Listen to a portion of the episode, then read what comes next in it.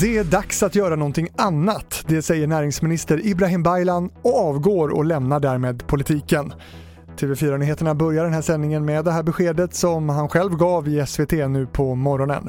Baylan har varit näringsminister sedan 2019 och avgår officiellt vid partikongressen i november. Se den avgående ministern kommentera avgången själv på tv4.se. I Norrköping har polisen gripit en man i 60-årsåldern som ska ha kört en bil rakt in i en tandvårdsklinik nu tidigt på morgonen.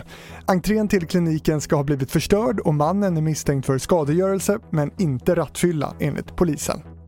Och sist i sändningen om talibanernas kulturchef som säger att han inte tror att eh, de kommer att tillåta kvinnor att utöva sporter som exempelvis landets nationalsport cricket. Han menar att det finns en risk att kvinnornas kroppar och ansikten kommer att synas när de sportar och att islam inte tillåter det. Det var det senaste från TV4 Nyheterna. I studion Fredrik Rahlstrand.